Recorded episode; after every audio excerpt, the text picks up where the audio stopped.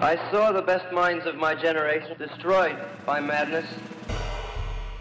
Det er den drømmen vi bærer på. Fra en annen virkelighet.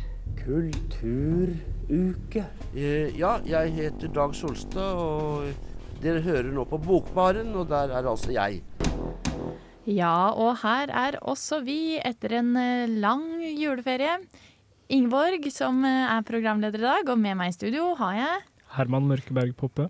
Oi, oi, oi. Eh, hei, jeg heter Helle. Dere trenger ikke etternavnet mitt.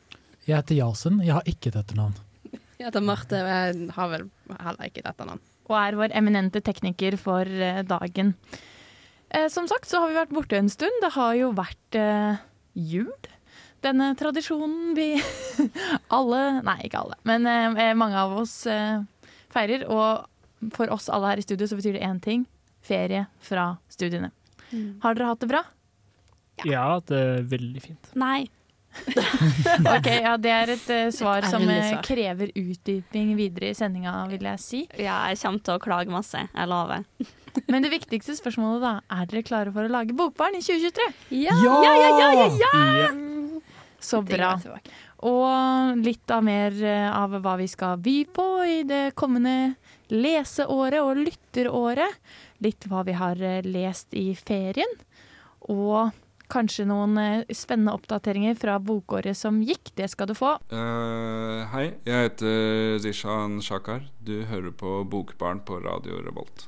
Det gjør du, og i Bokbarn så tenkte vi å prate litt om hva vi har lest i juleferien. Det kan jo hende det er noen av oss som har lest Cezanne Shakar. Han kom jo med en ny bok i fjor. Jeg har ikke lest eh, Cezanne Shakar, men eh, Marte, hva har du lest? Jeg skal heller ikke skryte på meg at jeg har lest noe av han, men jeg har eh, ja, tatt opp Jeg måte bare lese det som jeg har hatt lyst til å lese nå i høst, men som jeg ikke har rukket. Så jeg har fått eh, kommet eh, eh, Annie Arnault sin 'Hendelsen'. Så den var veldig bra. Ja, Hva syns du om hendelsen? Uff, den var vond. Den var fantastisk bra, men den var vond. Uh, for, det, for de som ikke vet, så er det en memoar, type erindringsbok, tror jeg hun på en måte beskrive det. Hvor hun igjen forteller da um, da hun i 1963 ble gravid. Og ikke ønsket dette barnet, så hun skulle prøve å få tak i abort. Og abort var da ulovlig i Frankrike på 60-tallet. Så det er på en måte hele den beskrivelsen av hvordan hun gikk fram for å eh, få dette til, men også sånn når hun ligger der og på en måte Prosedyren skjer, det ganske forferdelig. Ja, jeg har også lest den boka, og jeg syns det var en veldig fin sånn eh, Som du sier, det er veldig sterk lesning og veldig vond lesning, men det var eh, helt sykt og eh, på en måte Det er så virkelighetsfjernt da, for oss kvinner i 2022 i Norge at eh, prevensjon på en måte var eh, forbudt. Mm. Abort forbudt. Eh, og ja, at det å være, hva skal jeg si, en seksuell frigjort eh, kvinne på 1960-tallet i Frankrike, hvis du ikke var gift, det var ikke mulig. Ja, jeg kjenner jeg blir sint bare av tanken. Ja, jeg syns også den, eh, eller da jeg leste den, synes den boken var veldig liksom, sånn, Det var som et slag i magen. For min del i hvert fall. Sånn herre Shit, liksom. Mm. Går det an? Spesielt liksom sånn Jeg skriver jo masteroppgave nå om frivillig barnløshet. Og sånn Å herregud, dette her var noe kvinner liksom måtte gå gjennom bare for 50 år siden. Når de ikke ønsker barn. Det var ganske vondt. Uh, ellers har jeg òg lest en bok som heter 'Convenience Store Woman'. uh, som er en utrolig interessant og spennende bok om en dame som jobber på en sånn type 7-Eleven-kiosk. uh, og hvordan hun ser på seg selv som på en måte når hun, når hun er på jobb, så har hun en mening. Da, har, da er hun en del av måte, dette store maskineriet som på en måte er samfunnet. Så det var utrolig interessant liksom, samfunnskritisk bok om eh, Altså sånn, jeg tolket det i hvert fall på en måte sånn inn i kapitalismen og på en måte hvilke roller vi spiller og fremmedgjøring og den type ting. Så det var veldig gøy som en sosiolog. Den boka føler jeg liksom jeg har sett litt eh, rundt omkring. Er det en sånn booktalk-bok, Ja, eller jeg tror det. Insta en bok som har trenda litt på sosiale medier? Ja, for den er superlettlest, så du kan lese den på en dag. Um, og så på en måte, jeg føler det var litt sånn som Animal Farm, at du kan på en måte legge litt um, meninger inn i det selv.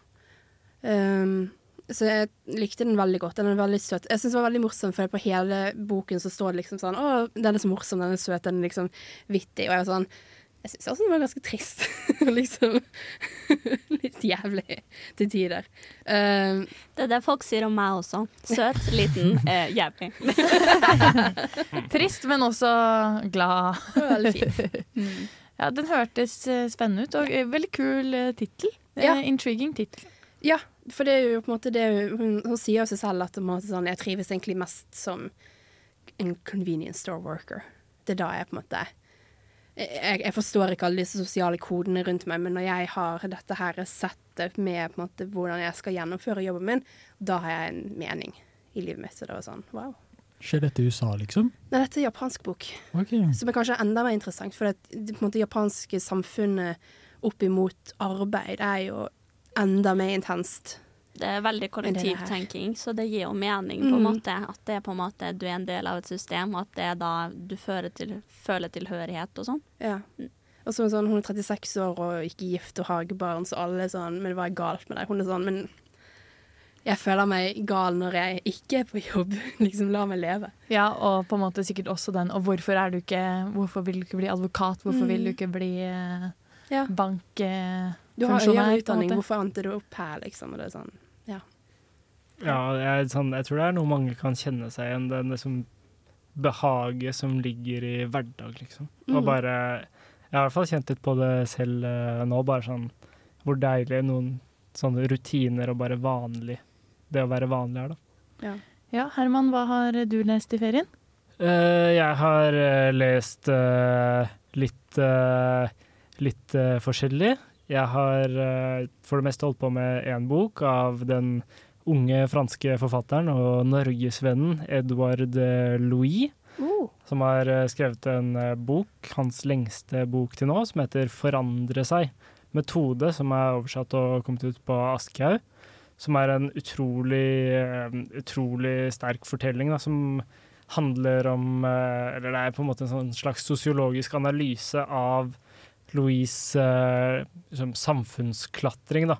Hvordan han kommer fra utrolig fattig Nord-Frankrike, arbeiderklassemiljø med la, foreldre uten utdanning og veldig lite penger, og kommer seg liksom på videregående og får gode karakterer og tilegner seg masse kulturell kapital og blir kjent med nye mennesker, og til slutt eh, ender opp på eh, den mest prestisjefulle skolen eller universitetet i Frankrike, som heter École Normale Supérieure, og ender opp som forfatter. da. Det er utrolig sånn sterk klassereise, da. Og liksom vanskeligheten med å vokse opp som homofil mann i eh, et veldig, veldig røft og homofobt og rasistisk eh, samfunn, og liksom det å klare seg mot alle motsetninger. da. Og forfatteren er liksom veldig tydelig på at det er selvbiografisk. Selvbiografisk. Han skriver, eh, han skriver med fullt navn og adresserer alle mennesker sånn som de er. Han er utdannet sosiolog og er liksom veldig opptatt av det med klassereise og sånn, så det er veldig sånn reflekterende og selvanalytisk arbeid. da. Den første boken hans er ganske kort, men utrolig eh, god. Den skrev han da han var 22 år. Den heter 'Farvel til Eddie Belgull', og den er liksom er en av de, en av de aller sterkeste bøkene eh, jeg har eh, lest. Og han er veldig stor fan da, av Annie Ernaux, mm. og veldig klart inspirert av henne, da. Så det er noe jeg anbefaler alle. Han har skrevet en del bøker, tynne, men veldig fine. Mm. Jeg har fått anbefalt uh, samme forfatter, jeg tror den heter 'History of Violence' eller noe sånt. Ja, ja, den er også også god. bra. Ja. Så den er på min leseliste, så det er kult. Det er altså mange sterke franske forfattere som melder seg på lista her.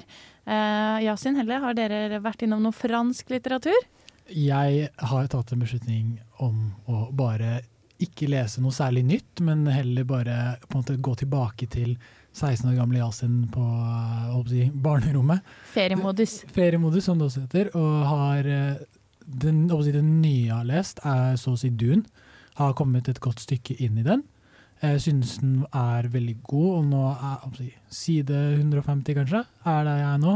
Men jeg blir jo ikke ferdig med det første. Eh, I tillegg så har jeg klart å lese ferdig én bok i en uh, trilogi som heter Adamic. Som er en veldig kul fantasybok. da, eh, Young Adult, som handler om uh, at det finnes måte, som alle andre fantasybøker, et parallelt folk med unike evner som eh, på en måte møte motgang og folk som vil uh, ta og stjele kreftene deres, da, som kommer fra blodet deres. Så jeg som har litt sånn blodfobi, uh, burde kanskje ha innsett at det ikke var så lurt å lese den boken. Uh, men den var såpass bra at jeg var sånn OK, greit. Du føler ikke at du får sånn exposure therapy, liksom? Eh, Nei, det, det er jo grenser for hvor mye holdt på å si, eh, si, gytelse av blod det kan være på en en sånn bok. Men uh, synes det var veldig bra. Og så har jeg fått lest mye koselig fanfiction. eh, og noveller som ikke har kommet ut, da. Som kommer på royalroad.com, som jeg snakket om tidligere. Er det noen spesielle fancy univers eh, du har lest fanfiction til? Som vi kanskje kjenner igjen her i studio? Ja, eh, jeg har selvfølgelig lest Harry Potter fanfiction. Det må man gjøre. Og så har jeg faktisk også lest litt Hunger Games fanfiction. Så det er, jeg vet ikke hvordan det endte opp der, men eh, fanfiction er et hull, og du klarer aldri å komme deg opp igjen. Så sant. det er veldig sant. Oi, det var kult! Ja, ja, ja. Vi står med tre eller to, eller hva, hvor jeg husker ikke. Tre fingre i været, er det ikke det? Ja, Jo. Jeg heter Anne B. Ragde og er forfatter. Og når man er forfatter, så hører man selvsagt på Bokbarn så ofte man har anledning. Ja, det er klart det, du gjør det. Og her i Bokbaren eh, så snakker vi om hva vi har lest i ferien. Helle, hva har du lest i ferien? Altfor lite, kan jeg fortelle. Nei, eh, jeg har som Yasin tatt en lite dykk inn i ungdomsfasen min. Eh, og jeg fant altså Jeg har lest én bok hele jula. Én bok! Jeg skuffer, jeg skuffer meg sjæl stort. Eh, men da fant jeg frem en forfatter som jeg likte veldig godt når jeg gikk på videregående. Jeg har lest en av de nye bøkene hans. Han heter FT Lukens. Og jeg har lest en bok som heter On Deep Waters, eller et eller annet sånt. Eh, og det er noe av den kjedeligste leseopplevelsen jeg har hatt på lenge. Jeg var så nøytral gjennom hele boka. Jeg brydde meg ikke noe, og det føltes ikke som det var en eneste spenningskurve hvor det faktisk var noe risiko for noen ting. Så jeg satt altså der og var sånn Jeg kunne ha lest fanfiction på tida her. Men du gadd altså å fullføre til tross for ingen engasjement eller investering? Ja, da, ja, ja, det var veldig sånn koselesing. da, sånn at det var sånn, ja, OK. Ok, Og så skjer det, og så skjer det. Og så var det litt spennende sånn politiske greier sånn halvveis uti boka, og så ble det kjedelig igjen. Og så er det sånn, OK. Men jeg hadde jo så godt forhold til han da jeg var yngre, så jeg hadde jo sånne store håp at det kom til å bli bedre. Um, men det ble det altså ikke. Ikke noe særlig, i hvert fall. Så moralen er på en måte litt det derre Det som var et godt minne, behold det som et minne. Ja, For guds skyld, ikke les det på nytt. Ja, eller jeg lurer på om jeg bare rett og slett må holde meg til science fiction-bøkene hans, og ikke bevege meg til fantasy-bevegelsene hans, da. Ja, jeg føler sånn, Når jeg har lest forfattere som kommer med nye verk, på en måte, så er det Det er en frykt i meg for at sånn, å, kanskje jeg ikke liker dette. Og det ødelegger hele inntrykket jeg har av dem. Så Helle, du må bare ikke utsette deg selv for skuffelsen. Bare les. Hvis du først skal lese, les gammel fanfiction Ja. om gamle verk. Ja, ikke sant? Og da kan du bare leve i sånn, eh, en utopi om at en forfatter er flink, liksom. Ja, for jeg har altså lest eh, veldig mye manga og veldig mye fanfiction i jula. Det har jeg. Eh, Det kan jeg si. Og det har stort sett gått i Som hver eneste juleferie så går det i Harry Potter fanfiction. Yeah. Eh, og så har det gått i Avatar fanfiction. Fordi det er koselig. Eh, ikke med blåfolkene. Ok, ja, for det skal vi spørre. Er det noen som har vært på kino og sett blå folk? Å, fy faen. Jeg har ikke gjort det. Jeg ble litt lei av den første filmen, um, og den White Savior-komplekset til hele basically den Jeg syns det var litt Ja. kjedelig med de blå folka. jeg. Da kan jeg bare glede dere med at eh, det, Cameron sier jo at han er Nei, James Cameron, eller hva heter han? han Ja, James David Cameron. det James kanskje Cam- en tidligere Ja, ja, ikke sant. ikke sant, ja. You know. James Cameron er em, han eh, sier jo at han har spilt inn nummer tre, fire og fem også. Så det er jo uh, great, great news. Ja, eneste filmen jeg har tenkt meg på kino å se det neste halvåret, det er Kardemommeby. Nei, jeg så én film i, for noen dager siden. Jeg så den Glass Onion. Det ser for meg den eneste filmen jeg kommer til å se på en god stund. Det var morsom. Den var veldig bra. Men eh, føler dere liksom at uh, dere f fikk lest det dere ville i jula, eller hadde dere på en måte et ønske om å lese mer, eller fikk dere sett noe teater, film som var bra? Ja. Uh, jeg skulle veldig gjerne ønske at jeg fikk uh, lest litt mer. Jeg fikk lest tre bøker eller noe sånt, i, men ikke så, ikke så tykke bøker, da. Tynne bøker. Men det var, det var, skulle ønske jeg fikk lest Mm. litt liksom, større verker. Men jeg har vært i Stockholm på eh, teater med kjæresten min. Og sett uh, 'Forbrytelse og straff' av eh, vår favorittrussiske forfatter Fjodor Dostojevskij. Uh. som var utrolig Det var utrolig bra. Oi. Så det likte jeg godt. Det hørtes veldig kult ut. Var det bare teater, eller var det på en måte med musikkopera også? Nei, det var, eh, det var eh, teater eh, på Dramaten i Stockholm. Veldig kul tolkning av eh, eller av boka. Så hvis du er i Stockholm med det første, oppsøk vår alle kjære Fjodor Dostojevskij ved Dramaten.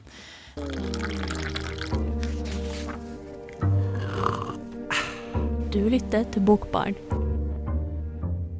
Og jeg håper du har skjenka deg en eh, stor kopp kaffe. Eh, Vi er fortsatt på hva vi har lest i ferien, vi. Og eh, ikke så mye om hva vi har lest, eh, men nesten like mye om har vi fått utretta det vi ville med ferien, litterært eh, sett. Yasin Helle, dere hadde noe dere ville dele? Ja, jeg skulle jo egentlig ha begynt å lese til bacheloroppgaven min. Jeg. Eh, jeg har jo endelig bestemt meg for at nå skal jeg skrive den. Eh, så har jeg satt meg ned og funnet en forfatter. Jeg skal skrive om Sylvia Plath. Ja, Så jeg har kjøpt inn The Bell Jar, og så venter jeg på noe levering av Jeg venter på en eh, kopi av den. Jeg venter på noe levering av noen diktsamlinger og sånt som ikke har kommet ennå. Men jeg har begynt så vidt på The Bell Jar, og så kom jula. Og, og da skjedde det så mye annet at det har jeg ikke hatt humør til. Eh, fordi hvis eh, noen av dere noensinne har lest Sylvia Plath, så er det noe du burde gjøre med oppfølging fra psykolog. Smilefjes. Ja, det er litt sånn eh, down a dark and uh, twisting road, veldig, hvis jeg har skjønt det ja, riktig. Ja, ja. Det, hun skriver veldig, veldig mektig, veldig fint, men fy søren, ass. Det skaker sjela. Demonter ovnen fra huset ditt før du leser Sylvia Plath. Ja, definitivt. Eh, Fjern også alt du har av gasstanker, eh, om det liksom er friste.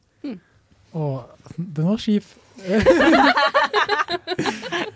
Eh, jeg, det jeg ville snakke om, er ikke, kanskje- ikke like dystert som Sylvia Plath, men jeg tenkte sånn Nå kommer jula.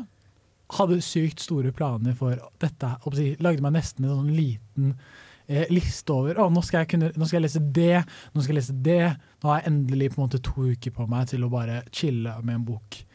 Men så kom plutselig jula, og så bare ble det sånn eh, store prosjekter med sånn eh, bøker jeg faktisk må investere tid og energi til. Jeg kan ikke bare lese dette på gøy og le, på en måte. Mm. Jeg måtte eh, det, var, si, det krevde litt. Og så nå har jeg kommet eh, januar eh, jeg håper å si, 2023 og innser Og så har jeg, på en måte en liten skuffelse over at jeg ikke leste det som på en måte jeg ser på som viktig. Så jeg lurte på, er det på en måte eh, hvordan, eh, Kan noen oppsummere det for meg? Forklare hva denne følelsen er? Jeg tror kanskje det er litt sånn å ha på en måte forventninger til seg selv om at mm, lese på en måte stor eller på en måte viktig litteratur, eventuelt sånn sakprosa. på en måte. Jeg, jeg, jeg tror det er litt sånn Tid skal brukes produktiv, og hva er det mest produktive å lese? Det er kanskje da de store verkene eller sakprosa som man kan lære noe av. Og det er jo bare kapitalisme, det. Hei, hei, hei. Det er faktisk kultur, Marte. Eh, Men nei, jeg tror kanskje det er litt sånn Det handler mer om Eller forventningen er til hva du leser, ikke at du leser. For jeg syns kanskje man skal berømme seg selv da, i en eh, digital tidsalder som den vi lever i. Og spesielt når man har liksom nettopp kommet ut av en eksamensperiode, man har kanskje en deltidsjobb. Vi som står her, har et trivelig verv i tillegg. Og at du da ikke bare satte deg ned og så på Netflix hele jula, er jo berømmelig. Mm. Det var det at du leste, ikke bare hva du leste, som betydde noe. Mm. Og så vil jo jeg legge til det at uh, i mitt hjerte så det her er en kamp som ligger så tett for meg. Det at jeg hater klassikerbegrepet, og det at vi skal ha så mye forventninger til det å lese en klassiker. Fordi at med en gang det er en klassiker, så er det litteratur som skal gi oss noe. Og på en måte ha en sånn høykulturell reise. Og det bare takler jeg ikke. Uh, du trenger ikke Altså grunne deg litt, liksom. Jeg elsker jo høykulturelle reiser. så når jeg ikke får tid til det, så, så, så rammer det også en sånn der, litt sånn eh, skyldbetinget eh, skamfølelse. Men man kommer seg over det, og man får alltid tid til å lese det. Og jeg, jeg føler ofte at det er sånn at man får tid til å lese de der langtrukne verkene når det faktisk er hverdag. Sånn når man ikke tvinger seg til å sitte og lese masse, masse, masse, masse hver dag. Mm. Jeg vil gjerne poengtere at det ikke måte, kapitalisme å lese høykultur. Det er kapitalisme å være produktiv. Produktivitet er satt på som måte, noe viktig. Anyway. Et, Ja, all lesing er god lesing. Ja. Så herregud, hvis, du, hvis det er det du får glede, og det som gir deg noe, er å sitte og lese fanfiction, herregud, kos deg. Jeg hadde, nå, skal, nå skal jeg fortelle noe, og jeg er kjempeflau over dette. Og så Vi skal aldri prate om dette igjen, så dette er en hemmelighet mellom oss fire og du som hører på. Jeg så gjennom min AO3 sets, og det var ganske ille. Marte har lest veldig mye fanfiction i Ja, 2022. Men det er veldig fascinerende, for jeg føler ikke jeg har lest noe de siste fire-fem månedene. Men de var sånn, måten de formulerte det på, var utrolig slemt òg. For det var sånn Du eh, har lest så og så mye. Det tilsvarer 180 romaner som du har da brukt kunne lese istedenfor fanfiction. Det var sånn Det trenger du ikke å si.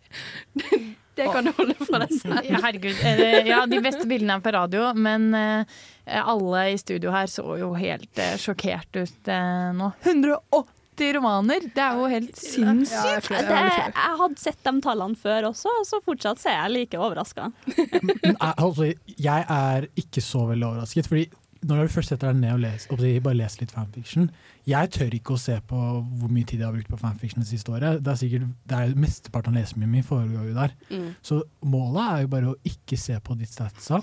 Lev, håper det er litt sånn guilty pleasure, selv om det egentlig ikke skal være det. Bare anerkjenne at det er bra, og så ikke se på mengden tid. Ja, jeg tror sånn heller enn å lese om fransk litteratur, så setter jeg meg heller ned og leser gay fanfiction. Men at eh, det meste av eh, av den franske litteraturen eh, man kan lese, er eh, Gay fanfiction? Ja, i hvert fall, eh, i hvert fall eh, det er, mye, det er mye homofili og mye utbrodering av eget liv og pynting på eget liv. Så Sikkert en smule erotikk også. mye erotikk. Nei, men Jeg kan kjenne meg litt igjen i det samme som du eh, har kjent på. da, Yasin, For jeg hadde liksom planlagt OK, jeg har med disse bøkene hjem på juleferie.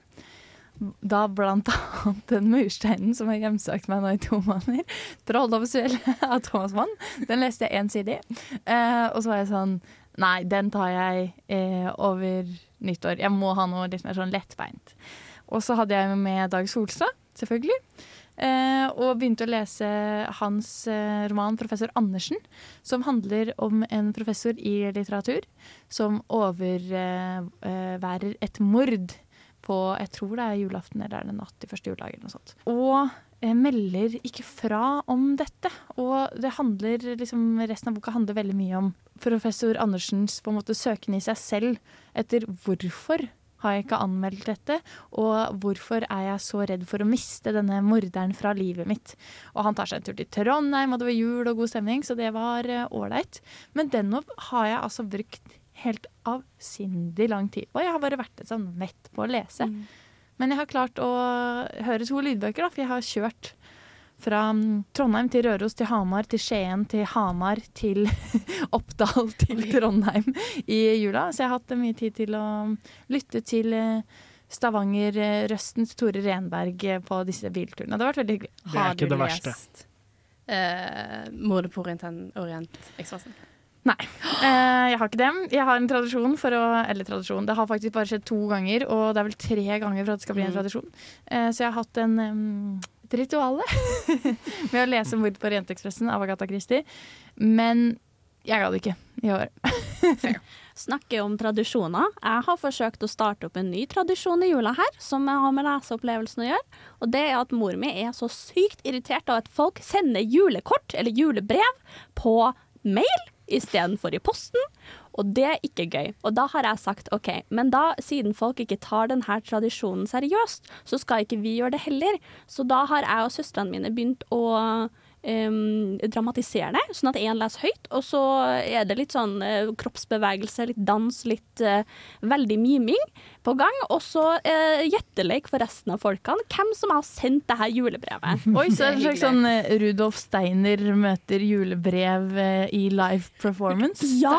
Det er veldig, veldig gøy, for pappa blir så veldig sur. Men samtidig er det sånn vi har sånn latter med det, fordi at det her er jo en, en veldig fin tradisjon hvor folk som er hverdagsskribenter, bare utdyper seg veldig poetisk. Men her er vinden som guster gjennom Trondheim, eller snøen som daler lett ned med tjukke snøflak og sånne ting, ikke sant? Ja. Så det har i hvert fall har vært en veldig artig ny utforskning av tradisjonen. Jeg håper at det blir værende. Det virker jo som det er en litt fellesnevner for flere av oss. At man skulle alltid ønske man hadde mer tid, mer kapasitet. Særlig da kanskje til å lese de litt tyngre verkene. Men jeg syns alle sammen skal berømme seg for at de faktisk har satt seg ned med noe form for litteratur i jula. Eh, og så er vi fornøyde med det. Og så nå er vi jo inne i et nytt år som eh, forhåpentligvis vil skape litt nye muligheter for eh, våre litterære hjerner. Men før vi snakker om hva vi skal lese i det året som kommer, eller det året som er her, så skal vi snakke litt om hva som har skjedd i året som gikk. This is Alan Moore, and you're listening to The Book Bar. In the Book Bar eh, skal vi snakke litt om eh, det eh, litterære året som har vært. For det skjedde da noe i 2022 eh, også. Var det noen boknyheter eller eh, litterære nyheter som sjokkerte verden i fjor, Marte? Eh, ja, en av de kanskje de største, på en måte, hvis vi skal snakke om sjokkering. Eh, I bokverden så var det forfatter eh, Salman Rushdie. Sier jeg det riktig? Ja, det er Salman Rushdie. OK. Eh, ble jo knivstukket i, eh, i 2022. Han er jo kjent for å ha skrevet den kontroversielle eh, romanen 'De sataniske vers', som har eh, virkelig provosert store deler av eh, det muslimske eh, miljøet. Altså er det så mye miljø, men det er i hvert fall på en måte statsoverhodet, da, i eh, ja, land som Iran og Irak. Er det ikke han Ayatollah Khomeini som utlyste en fatwa Mm. På, på Salman Rushdie? Ja, og det er jo da en type religiøs eh, Blankofullmakt, på en ja. måte, for å faktisk drepe han. At man på en måte jeg håper Det er lovlig uten at du får noen som helst straff for det. Mm. Ja. Og det betyr jo ikke at det er eh, lovlig f.eks. i Norge å drepe noen, det betyr at det er en sånn muslimsk fatwa. Da. Ja. Som er for veldig er konservative, veldig konservative muslimer som følger dem her ofte. Mm. Så det var jo Han overlevde heldigvis. Eh, fikk noe varige men, virker det som. Men det er jo kanskje en av de store tingene. Men Bokbarn i forlengelse av norske medier kan melde om at han, quote, er oppe og står, vitser og ler. Eh, Så det er jo bra. da. Nei, men Han er jo en legendarisk eh, fyr. Salman Rushdie. Jeg har aldri lest uh, satanistiske vers selv, men jeg har veldig lyst til det. Og det var vel en bok som trenda veldig i forbindelse med den knivstukkinga. Mm. Uh, og gjorde at kanskje yngre lesere som ikke fikk med seg den herre fatwaen eh, i forbindelse med bokas utgivelse, har fått litt øynene opp for uh, Rushdie. Mm. Ja, det var jo en stor, stor kampanje i uh, bokhandler og liksom fra, fra forlag og sånn i, uh, i fjor. Der de ble liksom satt ut, og i bokhandler her i byen i hvert fall, så var det masse bord med Salman Rushdie. Mm. Ja, det, var, det er jo samtlige som har oversatt bøkene hans, og spesielt det sataniske vers, som har eh, virkelig fått uh, kjenne på hvordan det var, da. Ja, den norske oversetteren ble jo skutt. Um, var, det, var det han eller var det den danske? Uh, det var den norske, og Ja. så var det en annen, jeg tror det var han i Japan, som ble Mm. skutt og drept. Men uh, han norske han overlevde, da. Og da eh, på sykehuset så bestilte han opp et opplag til. Legend. Godt gjort. Um, den, er for, den er vel ganske tjukk òg, så kanskje du kunne brukt den som en slags sånn bulletproof uh, vest. Det er noe Salman kan tenke på til neste år. Eh, men ellers så var det jo litt dramatikk her rundt forfatteren Susan Machen, Ja! eh, som faket døden sin i 2020. Men She's back! Eh, I 2022 kom hun tilbake, og riktignok sto hun ikke opp i påska, men eh, hun sto altså opp fra de døde, så det, det er ikke verst. Ja, hun, er, hun er jo ikke akkurat en stor forfatter tidligere, hun har veldig sånn selvpubliserte bøker. Men det at hun har Alltid et godt tegn. Ja, men det at hun har kommet tilbake og bare publisert på Facebooken sin at oh, jeg er tilbake, det er bare sånn oh, Nå, Nå er venter jeg på at Lucinda Riley At det bare var en joke, liksom. At kanskje hun kommer tilbake til oss. Hvem vet. Da er det i hvert fall en stor lesergruppe som blir veldig happy. Ja, jeg venter i spenning på Dostojevskij. Han lar vente på seg. Eh, Men ellers kan vi melde om at eh, JK Rowling har vært seg sjæl som vanlig. Har vel vært ute på både Twitter og andre plattformer og eh, ja, irritert på seg folk. Ja, hun gir seg ikke der, altså. Nei, hun er litt gammel, uten å prøve å tråkke på noen tær.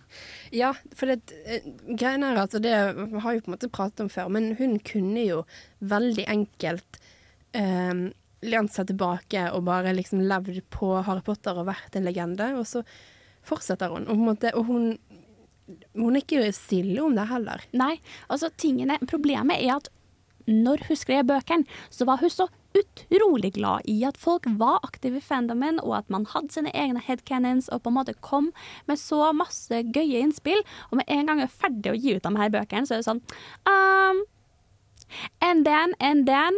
Og så vil hun ikke på en måte at fandomen skal være aktiv på en måte i de skeive miljøene, for eksempel. Jeg mener at jeg så noe om rett før jul at Helena Bommen Carter hadde vært ute og forsvart henne òg, tror jeg. Om at eh, Nei, jeg skal være forsiktig med å si det, men jeg tror ikke Helena Bommen Carter hører på Bokbarn, dessverre. um, men hvis du gjør det, shout-out. Nei da. Men jeg, jeg tror det var et eller annet med at hun var litt uh, ute og jeg forsvarte litt sånn Spesielt det å på en måte som en gruppe gå mot én person, da. Som jeg skjønner kan være eh, ekstremt. Samtidig så er du en såpass profilert person. Og ja, Mm. altså, du, du må jo nesten kunne kalle JK Rowling for en offentlig figur. Ja, det, Jeg, jeg er veldig enig. Eh, Jeg tenker sånn umiddelbart på én ting. Jeg er, sånn, eh, jeg er litt lei av at JK Rowling eh, får så mye plass i norsk media og i 2023. Det var sånn, Kjetil Rollnes kom med en ny artikkel der han kritiserte NRK annet for eh, mediedekningen av JKs Nei, eh, JK Rowling sin eh, transfobi eh, i hermetegn. Så det er bare sånn kan, Enten så må Harry Potter på en måte slutte å eksistere, eller så vet jeg på en måte ikke når dette kommer til å ta slutt. Ja, og det skal også legges til der at JK Rowling hun er jo en offentlig figur, og mye av det hun sier har veldig mye påvirkning på legislering som skjer bl.a. i Storbritannia, hvor at det er et av de vanskeligste landene i det som kalles da Vesten, hvor det er vanskelig å være trans fra før. Og det er på en måte, de er så konservative i behandlinga av transpersoner at det ikke går engang. Mm, og jeg tror det som er veldig viktig å huske, er at selvfølgelig kan du på en måte uh, være glad i Harry Potter og nyte historien for det det er verdt, men det man må være forberedt og liksom vite at uh, hvis man kjøper noe nytt fra Harry Potter-universet, så er det penger som går i lommeboken på en dame som f.eks. nå driver og starter opp et um, altså type mottak for kvinner som er utsatt for vold. Og det er kjempebra, men hun går eksplisitt ut og sier at transkvinner ikke er velkomne der. Og så er det litt sånn OK, men hvordan skal du finne ut av det, da? Hvordan skal du sjekke det? Anyway, det er en hel greie. Men i hvert fall, det er også støtte noen som fremdeles lever, som kan bruke pengene sine på eh, ekskludering og hatefulle ytringer sånn som dette, det Ja. Tenk litt på det, i hvert fall. Men det er jo det samme som å bruke pengene sine på en Tesla eller å kjøpe ting Mm. på Amazon også. Det er vanskelig det her med kapitalismen, altså. Ja. Er hun er, er JK Rowling verdens mest profilerte forfatter? Tror vi det? Nei. Ja, kanskje. Er det noe større? Ja, for da lurer jeg på hvem er større, da. Gud? Ja. ja. Nice. Da har vi det. Han har jo forfatta verdens mest leste bok, nei. Og verdens mest leste fanfiction? Ja, der har vi den. Nei, men sånn I forhold til liksom omtale i media hvor eh, på en måte Hun har jo solgt eh, på en måte Hvis du bare teller boksalg, så kan hun jo i hvert fall regnes som hvert fall en av verdens største. Jeg er litt usikker på eh, de tallene der, men sånn, hvis du skal regne i de siste 30 årene da, med Mm. boksalg, så er det garantert J.K. Rowling som sikkert har solgt flest bøker, utenom Bibelen. Eh, pluss Ja, at, det, at hun Kristian. eh, dukker opp i media hele tiden, og at det er en sånn De som vokste opp med Harry Potter, er jo faen meg blitt 40 år gamle, liksom. Eh, fra når bøkene kom. Altså 30-40 år gamle. Eh, så det er liksom en sånn veldig stor gruppe med lesere, og det kommer jo til nye unge lesere hele tiden, som gjør at jeg, tror at hun får såpass mye makt og såpass mye plass i norske medier, for eksempel, som du sier, Asin, er jo fordi folk klikker på de sakene og Mm. faktisk leser om det. Hvor gammel er hun egentlig? J.K. Rowling? Eh, 50, kanskje? Ja, noe Ok, så, okay, Sånn 30 år til, da, er det vi må regne med. Ja. Og så kan vi begynne å lese og kjøpe Harry Potter-saker igjen. Eh, Men når det skal si, skal vi eh, 57 år. 57? Herlig. 23 år. 23 år. er livsanslaget. Eh, Men når det skal sies, vi var inne på nyheter og sånt, eh, og da var det jo én ting til som skjedde, skjedde i 2022, som vi burde nevne, og det er stenginga av Set Library. Martha, har du lyst til å fortelle om det? Jeg kan gi kortvarianten av det. Um, For hva er Set Library? Ja, for det, det er et av verdens største uh, på en måte, arkiver på nett for bøker. Og da er det både på en måte skjønnlitterær, men også sag, sakprosa. Så det har vært da en mulighet for veldig, veldig mange å lese litteratur gratis, før man kan laste det ned der. Um, og det har vært veldig viktig, spesielt for um, høyere utdanning. Det er veldig Altså, det vet vi alle at det er dyrt med pensumbøker. Ja. Um, og det er jo noen deler av verden hvor man ikke får uh, hjelp fra Lånekassen, så da er det veldig greit å ha det. Og nå har jo det Og selvfølgelig på en måte det å distribuere gratis bøker på nett er jo ikke sånn superlovlig med tanke på eh, rettigheter og den type ting. Så nå har eh, FBI i eh, USA eh, stengt ned dette arkivet, da. Det er på en måte siste nytt, som er ganske tragisk. Det går noen rykter om at det er en Colin Hoover-fan som har vært ute og oh, vært sint fordi at folk ikke ville kjøpe bøkene hennes. Men jeg vet ikke om det er riktig. En uh, uh, Colleen Hoover-fan armed with the skills of hacking, liksom. Ja, men det er veldig morsomt. Altså, mange beskriver det som på en måte den moderne brenningen av eh, biblioteket Alexandra. Ja, det var det jeg skulle nevne. Det er på en måte den eh, ja, cyber- cyber-versjonen av Mm. eh, Alexandra. Ja, og som jeg har hørt, så er det også mye av dem på Set Library som har vært i PDF-filer og sånt. Så da har du på en måte hatt mulighet til å laste ned, og så bruke eh, digital leser og sånt, for dem som ikke er så gode med lesing på datamaskin og sånne ting. Folk med dysleksi, for eksempel, er det veldig nyttig. Eh, og veldig mange universitet, eh, universitetsbøker og sånt støtter ikke denne digitallesinga. Mm. Så det blir veldig vanskelig for da enda flere eh, som studerer akademia, akade, akademiske, som er, har lesevansker.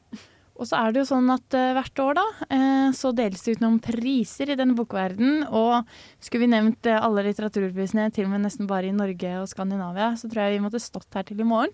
Men vi skal ha en liten gjennomgang. Vi starter selvfølgelig med den største av de alle. For enkelte kanskje den eneste de bryr seg om.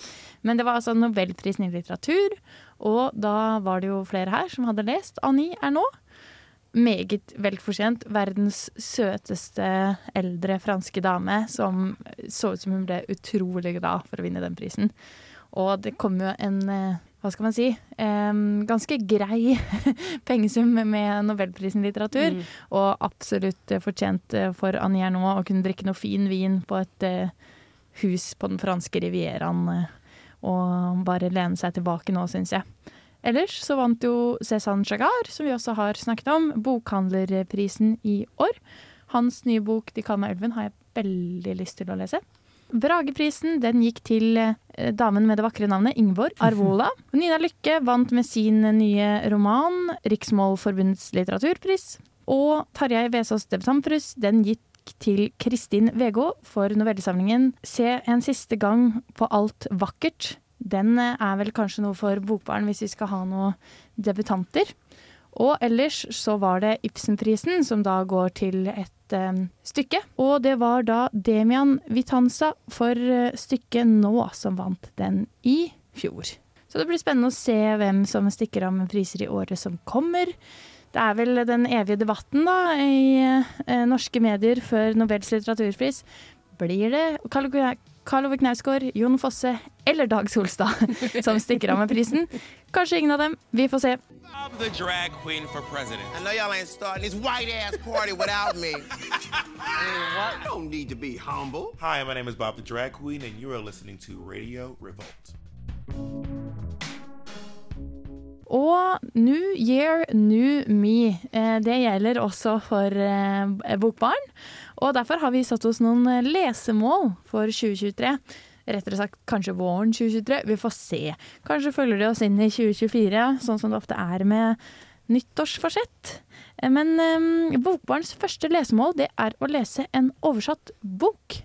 Og har dere noen um, ønsker for uh, hvilket språk vi skal uh, Altså, vi skal jo lese den på norsk, men hva som skal være originalspråket? Noen titler dere tenker på?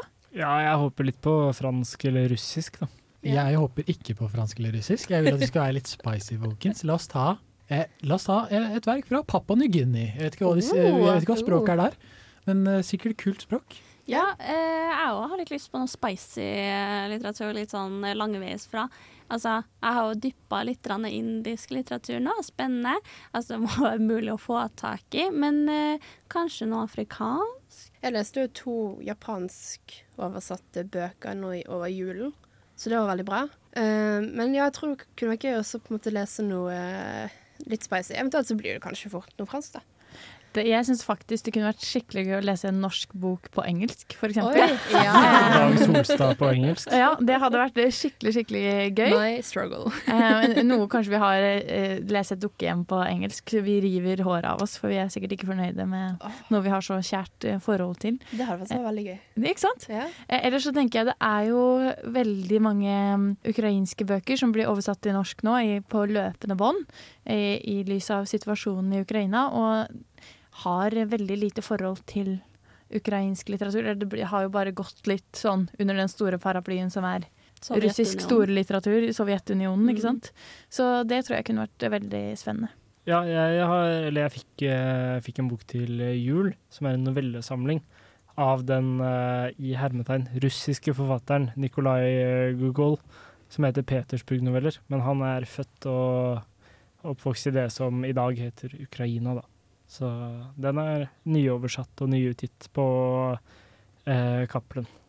Ja, eh, Cappelen har vel også nyoversatt en eh, favorittbok av dine, Helle. Ja! Madeline Millers eh, 'Song of Achilles' har nå kommet på norsk, og det er en virkelig flott bok, så det kunne vært veldig interessant å lese den på norsk. Ja, det er jo en av mine favorittbøker. Den leses jo som poesi. Eller sånn, ikke at den er skrevet som poesi, men den føles sånn. Den flyter som poesi når du leser den. Som honning som renner utover sidene. Ja, et ekstremt rikt språk i den boka der, som jeg ser for meg kan være en stor utfordring å få oversatt fra engelsk til norsk, Ja. eh, i og med at engelsk har såpass eh, mye hva skal jeg si, eh, det er kanskje å banne i kirka, men det er jo flere ord å smykke seg med på engelsk enn det er på norsk. Og så har jo Madeleine Miller er jo også historiker, eh, og hun har da også brukt veldig mye sånn historisk språk eh, når hun har skrevet den boka, i hvert fall. Det at hun på en måte tar utgangspunkt i hvordan grekerne så verden, da. Så det er veldig mye sånn hvordan grekerne så farge, eksempel. Det er ikke bare en farge, det er følelse, det er alt mulig sånt, så det er kjempespennende. Så folk har jo reagert litt på det da i ettertid,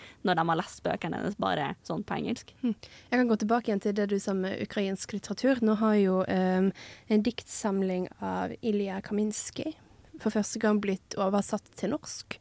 Av en jeg faktisk gikk på videregående med. Uh, så um, det kunne vært litt gøy. Wow, herregud, da må vi jo fly inn gjest og greier òg, høres det ut som. Så det er absolutt et uh, ikke et hårete mål engang, et veldig overkommelig mål. Men uh, vårt andre mål på lista, det er rett og slett å lese favorittboken til et annet program i Radio Revolt. Og da lurer jeg, Det kan jo kanskje være vanskelig å finne at alle i samme program har favorittbok, men vi får be de stemme fram én felles bok. Men er det noe spesielt program dere da vil velge? Skal vi lese favorittboken til Fever? Skal vi lese favorittboken til Filmofil? Jeg tenker umiddelbart på nerdeprat, fordi jeg har på følelsen at selvfølgelig kommer de til å velge noe sci-fi. Eh, og sci-fi, etter å ha lest litt Dune, syns jeg faktisk er kult. Eh, en, et program jeg ikke vil ha, er eh, Millennium. Eh, hvis de prater om sånn romanse og kjærlighet og sånn. Colin Hoover. Ja, Colin Hoover. Jeg har veldig lyst til å lese noe som uillustrert vitenskap eh, kommer på med. Eh, nå kommer jo den på lufta igjen etter hvert. Ja. Da blir det sikkert den derre Homo sapiens Ja, det har vært eh, kjempegøy. Ja. Og så er jo jeg den ungen som leste leksikon om menneskekroppen på sengekanten når jeg var yngre, så det er jo kjempekos. Mm. Jeg vet ikke, jeg har litt troen på PBK, Postpluss-kollektivet. Jeg tror de kan eh, dra fram noe kult, tror jeg. Mm. Ja, jeg håper på, jeg håper på Filmofil, som eh, Det er noe eh, bra som har blitt adaptert til film. der. Tenk om de sender Fordi oss bare et gode, filmer, alle gode filmer er basert på bøker. Bare få et manus til, sånn skal vi lese det, ja. Det er ikke dum heller. Kanskje det er um, fanfiction Å, Oh, noe bokbarn fanfiction skrevet av et av de andre programmene. Det skulle jeg gjerne ha lest, men det blir kanskje Ja! å håpe på for mye. Um, men her, det her føler jeg neste mål. Det er litt sånn Jeg kjenner meg veldig igjen i det. Jeg kjøper ekstremt mye bøker. Og nå er det jo mammutsalg rett rundt eh, hjørnet. Veldig farlig. Men det er ikke alle bøkene jeg kjøper som jeg leser. For eksempel, jeg fikk jo en bok i julegave i fjor. Den leste jeg i julen i år. Eh, Jeg har mye sånn der liggende. Og et av Bokbarns mål er jo å lese en bok vi har kjøpt, men ikke lest. Har dere noen sånne bøker stående i hylla? Så Ja, mange. mange. Åh, hvor, hvor skal vi begynne? Um, jeg har jo Jeg fikk Secret History til jul. Den har jeg veldig lyst til å lese. Jeg har lyst til å lese 'Stakkars' av Mathias Fallbakken. Ja, jeg har eh, lånt en bok av faren min som jeg ga han for et år siden. Eh, og så lånte jeg den for eh, eller et par uker etter, eh, som heter 'Onlooking'. Eh, som jeg rett og slett bare har lest et par kapitler av, så den vil jeg lese ferdig, i hvert fall. Hei, det er Junidar. Les Ibsen og lytt på Bokbaren. Ja, hvis ikke det er ditt eh, nyttårsforsett enda, så burde det bli det. Lytt til bokvaren. Bokbaren. Å, jeg trodde du mente les Ibsen. Ja, det òg, selvfølgelig. Eh, det er alltid en tid for å lese Ibsen. Men eh, hva vi skal lese? Jo, vi skal eh, lese en debutant. Og da var det jo f.eks. aktuelt å lese Kristin Vego, som debuterte og vant Tarjei Vesaas debutantpris i fjor. Leander Jønne, som eh, jeg har lest, eh, kunne jeg virkelig tenke meg at resten av dere også fikk eh, lest. Han kom med romanen 'Oskespiralen', gitt ut på oktober. Og ikke minst Lars Elling, 'Fyrsten av Finntjern', som jeg nevner og elsker på min hals. Virkelig en god debutantbok som jeg kunne tenkt meg at resten av dere leste. Er det noen av dere som har noen eh, debutant dere har pekt dere ut, eller venter dere litt på hva som kommer i det nye året? Jeg venter på å bli overrasket av en ny debutant som ikke har eh, som ikke har da kommet ut ennå, fordi de er debutant. Men Jeg, jeg, jeg, ja, jeg har litt sånn, eh, litt sånn iffy følelse av at det plutselig kommer til å dukke opp en person. Kanskje ikke på samme måte som at de gjenstår fra de døde, men kanskje litt sånn faller fra et fjell og liksom skriver noe sånn At det skal være noe stort, at det skal være noe spicy. Kanskje, kanskje fransk til og med. Du håper på at Dag Solstad kommer med en ny roman, du, Yasin? Jeg, jeg venter på debuterende fanfiction. Det er det eneste jeg venter på. Jeg venter på mail fra forlagene om hva som kommer denne våren her. Jeg gleder meg veldig til det. Ja, så det er bare å stay tuned på Bokbaren. Eh, Vi oppdaterer deg etter hvert som eh, forlagene slipper det de har tenkt å lansere i det kommende året. Jeg heter Molly Øksnevad. Fuck Riksen. Og du hører på Bokbaren. Vi snakker om våre lesemål for året 2023. Og eh, lesemål nummer fem er lese en bok basert på en sann historie. Det har jo allerede vært nevnt eh, noen sånne bøker her i dag. Men er det en eh, biografi eller en bok basert på eh, en sann historie dere har lyst til å lese? Jeg har skikkelig lyst til å lese én biografi. Jeg har aldri hatt lyst til å lese en biografi i hele mitt liv, men akkurat den her har jeg hatt på lista med et par år, og det er den der eh, Bored a Crime, heter den, av Trevor Noah. Em, som da er sørafrikansk komiker. Uh, og han er jo eh, halvt hvit og halvt svart og ble født under apartheid. Så det, jeg har veldig lyst til å på en måte få den leseopplevelsen av på en måte hans barndom. da. Det å på en måte oppleve å være noe som ikke skal eksistere i samfunnet. Uh, jeg har uh, igjen lyst til å lese noe som er fransk. Hva? Fordi jeg syns det er, det er bra. Så jeg har eh, kjøpt en ny bok i dag. 'Tyvens dagbok' av eh, Jean Genet. Som jeg gleder meg veldig mye til å lese. Den skal være veldig virkelighetsnær da, og basert på hans egne opplevelser. Jeg har ikke en egen idé, men jeg vil si meg 120% enig med Helle. Jeg har sykt lyst til å lese Born and Crime. Bare Hvor spennende er det å liksom kunne sette seg inn i et land sett fra Trevor Noah sine øyne, som på en Mm. måte kom til toppen av medieverden i USA, Ja, men samtidig har liksom Utrolig interessant menneske, veldig flink og liksom I hvert fall i på en måte talkshow-rollen så syns jeg han gjør en veldig god jobb. Veldig liksom morsom, men òg klarer å ta ting på kornet. Ja, han har jo nettopp steppa ned fra rollen sin også i The Daily Show, var det det han -hmm. eh, fordi at han mente at eh, han skulle gi seg mens leken var god, før det ble et dårlig show, så skulle han bytte host. Kjempespennende type. Det er fair. Jeg har tenkt å lese en bok som er uh, litt memoar, men òg litt sånn selvhjelpsbok, som er en spennende ting, uh, som heter I Want To Die, But I Want To Eat Tabuki. Som er en koreansk eh, bok, hvor forfatteren tar deg med inn på psykologkontoret og ja, forteller om på en måte sine psykiske problemer. Var det ikke Ja, Marte fortalte meg en artig historie med den boka også. Det at hver gang du googla den, så får du bare opp på Google eh, nødnummer, og så ønsker ønsker du å drepe deg selv. Da er det sånn her, den og den hjelper. Så det er veldig vanskelig på en måte å komme seg ned til den saklige tingen. Ja, for jeg vil bare vite hvor jeg kunne få tak i boken billigst mulig, og så begynner FHI og er sånn Trenger du noen å prate med? Jeg Sånn, Nei, det går bra. Jeg er med i Bokbaren. Word. Eh, det er flere bøker jeg har lyst til å lese. Det, er- den har blitt nevnt her flere ganger. Og som sagt, det er bare tiden som ikke strekker til. Men eh, 'Verden av i går' av Stefan Schweig har jeg veldig lyst til å lese. Eh, både fordi jeg syns det virker som en interessant forfatter, og det er en del av historien jeg føler eh, jeg skylder eh, verden å lese meg litt grann mer opp på, egentlig. Enig. Eh, det er bare å stemme fram den til vår klassikersending i slutten av semesteret, dere lyttere. Eh, og noe som kanskje skjer ganske snart, da. Et eh, hva skal jeg si, nyttårslesemål vi kanskje får oppfylt, det er å lese en bok fra BookTok. Marte gleder seg veldig. Jeg cringer hardt, men det går bra. Jeg gleder meg kjempemasse. Jeg elsker de pastellcoverne som alle sammen viser frem, og de her fairy porn-bøkene og sånt. Det er sånn Jeg kunne aldri tenkt meg å satt meg ned og lese det, men OK. Egentlig, jeg har ganske sånn sterke fordommer mot denne typen, type sånn, oh, ja, la meg fair. kalle det triviallitteratur, da. Men jeg blir veldig intrigued av at det er så engasjerende for så mange mennesker, og hvordan det har blitt et så eh, stort fenomen at til og med i bokhandlene så er det egne booktalk-avdelinger. Der hvor du før fant eh, pocket, engelsk pocket, krim, eh, er det nå en booktalk-hylle. Og derfor tenker jeg sånn, det er et fenomen som faktisk fortjener eh, vår oppmerksomhet. Og jeg, jeg tror det kan bli skikkelig gøy. Jeg gleder meg masse. Jeg elsker det der. eh, Men jeg er veldig spent på hva du tenker på med BookTok. For hvilken del vil du inn på? Vil du inn på romanse? OK, ja. Ja, okay. Nei da, jeg har jo ikke TikTok, eh, så jeg må jo da grave gjennom dere på, en måte, på hva som trender er, og kanskje sette meg litt inn i universet.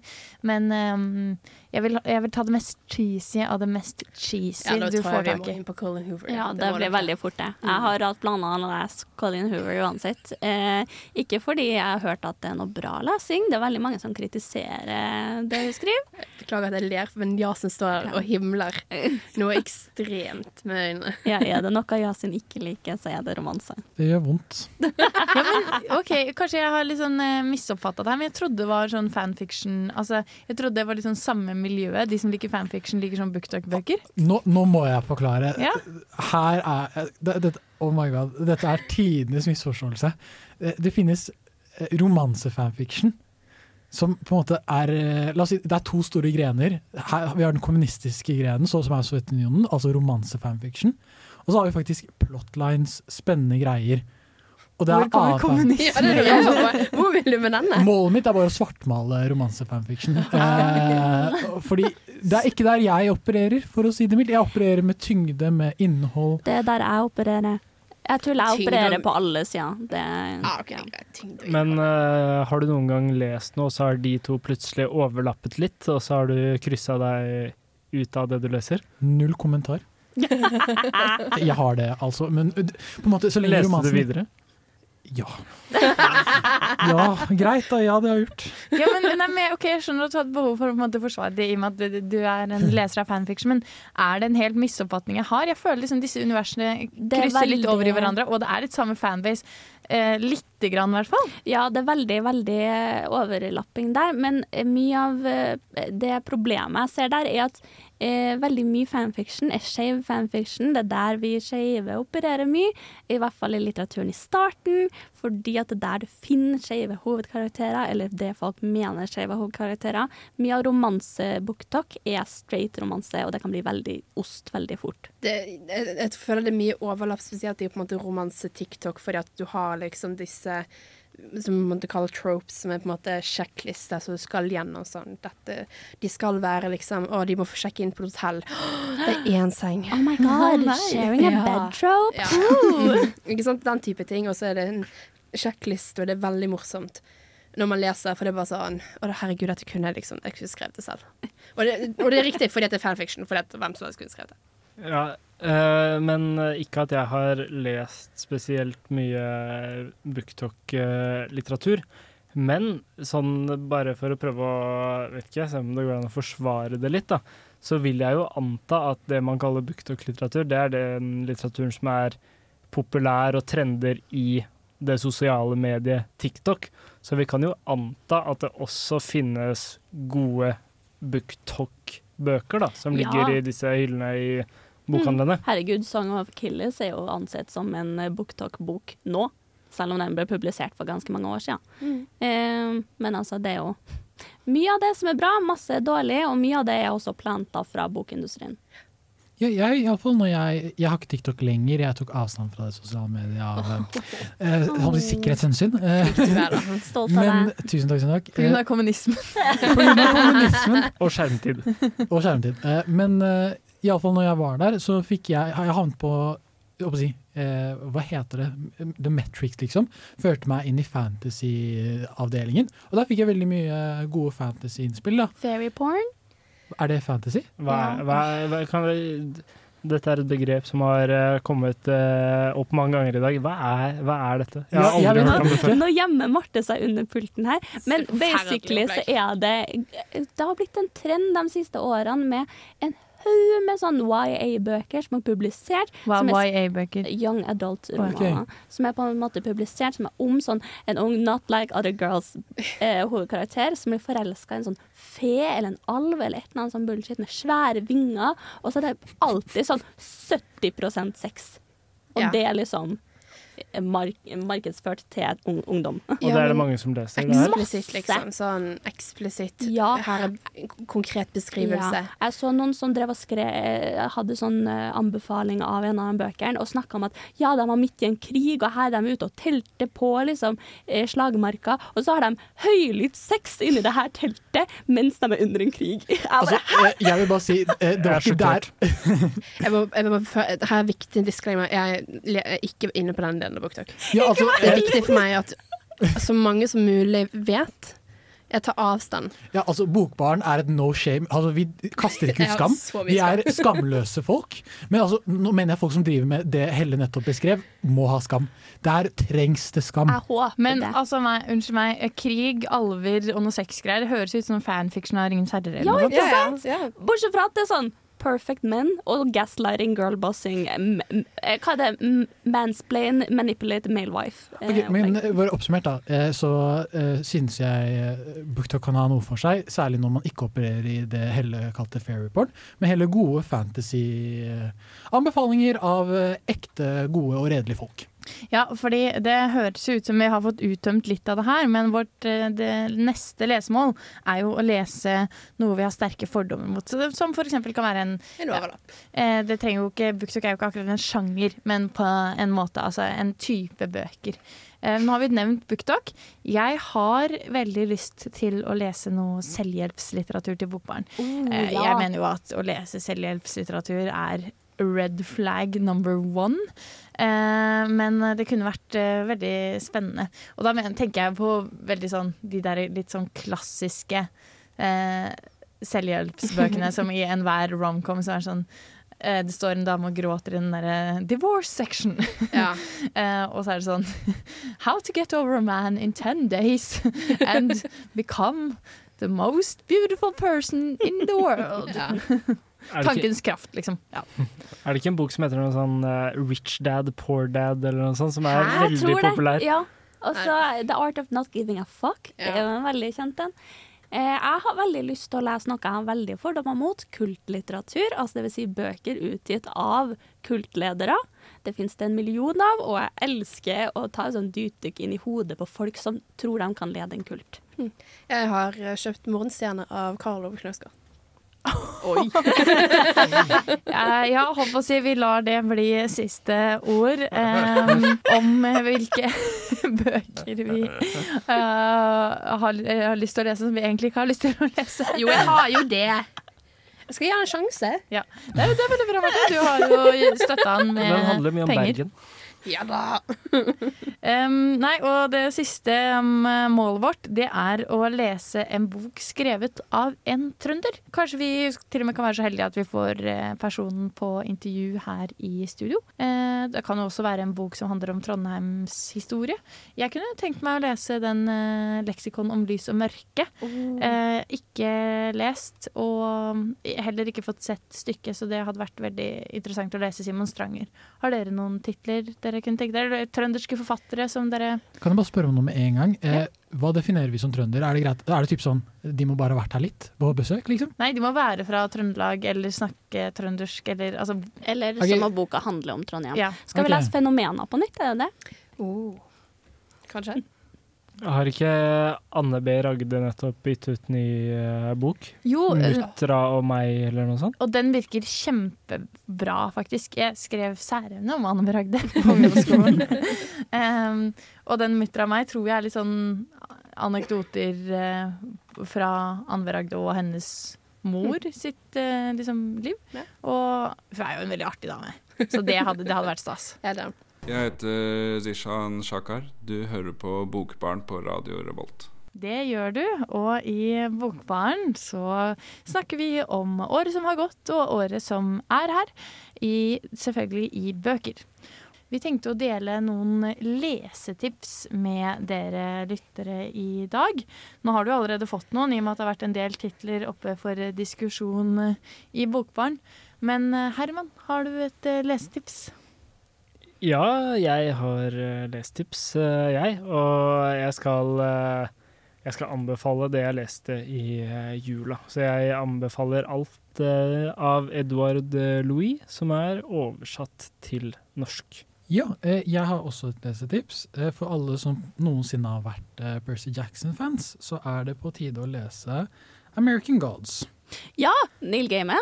Yes, det stemmer. Er det fra samme univers som Percy Jackson? Jeg, jeg vet ikke, altså jeg har ikke lest Percy Jackson, så jeg aner ikke. Men er det, hvorfor er det for Percy Eh, Jackson-fans? Det baserer seg på mytologi altså Det har også blitt adoptert til film, da, bare så det er sagt, men det baserer seg på mytologi, gude, jeg håper å si, gudeskikkelser, inter, si, interagere med mennesker. Og så er det også eh, på en måte, Uten å spoile, så er det ganske Hvis du på en måte eh, Hvis du har lest Percy Jackson, så, har, så kan du gresk mytologi, men hvis du liksom har bredda ut noen gang og har lest opp på kanskje eh, egyptisk mytologi òg, så føler jeg på en måte dette er eh, the culmination of all mythologies in one book. Mm, American Gods er også kjent som en amerikansk klassiker. Elsker Neil Gaiman. Eh, han skriver veldig, veldig godt. Eh, jeg vil gjerne legge til nå som jeg endelig har lest alle tre bøkene selv. Eh, The Gentleman's Guide-triologien av Mackenzie Lee er nå fullført med The Gentleman's Guide to Vice and Virtue. Eh, og så videre og så videre. Det er veldig lange titler alle sammen, men veldig morsomme historisk fiksjon-bøker som tar opp viktige tema, som det å være skeiv på 1700-1800-tallet, det å være psykisk syk på 1700-1800-tallet, og på en måte det her med problemet med arv og eh, samfunn, da. Marte, noen lestips? Uh, ja. Må jo på en måte bare skyte inn hendelsen Annie nå. Veldig bra.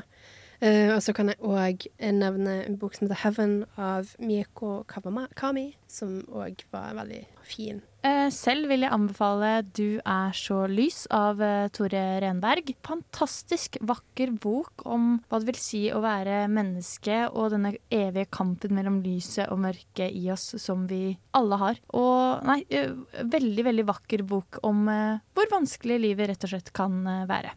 Hei, det her er Mathias Samuelsen. Og når jeg skal finne ut av hva som foregår i det litterære landskapet, så hører jeg på Bokbarn på Radio Revolt.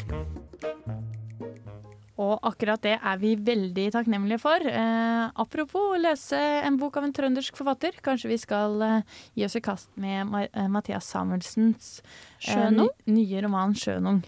Men hvis du syns det er gøy å høre på oss eh, prate nå, kunne du tenke deg å gjort det samme sjøl? Nei, da må du gripe sjansen nå mens det er opptak på Samfunnet, spesielt da studentmediene som vi tilhører, og selvfølgelig Radio Kultur. For vi har tre fantastiske opp-program som har opptak. Helle, vil ikke du fortelle litt om Filmofil? Ja, jeg elsker Filmofil. Jeg er deres største fan. Eh, Filmofil er et filmmagasin hvor de snakker om alt fra eh, nye filmer, gamle filmer, temasendinger, alt mulig rart. Og de er verdens koseligste gjeng. Elsker dem. Eh, kysser støvet for beina deres. Eh, bli med! De er så trivelige, og vi vil ha dem med i Radiokultur. Mm. Og da får du også mulighet til å være med på mye kult, for eksempel eh, Pressevisning. Krig, Ramaskrik, eh, som ja, er en skrekkfilmfestival. filmfestival på Oppdal. Ja, og så er det òg den som nå er på vår Kosmorama. Kosmorama. på Trondheim kino. Ja. Og Yasin, vi har jo også noen eh, spillentusiaster her i Radio Revolt. Hva heter de? De heter Nerdeprat. Det er vårt spilleprogram for alle som enten digger Pacman, eller de digger det nyeste innenfor skytespill. eh, Eller Sims. eller Sims, Mhm. eller eh, Moviestar Planet. Alt er lov. Så er det det stedet å være, for der går du og tar dypdykk, og så tar du også utforsker nye spill som du aldri har opplevd tidligere. Så jeg, som hører på nerdeprat i ny og ne, får veldig mye ut av det. Og hvis du på en måte tenker å, jeg gamer bare litt, men eh, er det nok? Det er mer enn nok, for å si det mildt. Søk i vei. Treng, du trenger ingen forkunnskaper for å være med på noen av programmene våre. Også uillustrert vitenskap. Vitenskapsprogrammet til Radio Revolt har opptak, så søk nå! Du har lyttet til en podkast på Radio Revolt, studentradioen i Trondheim. Sjekk ut flere programmer på radiorevolt.no.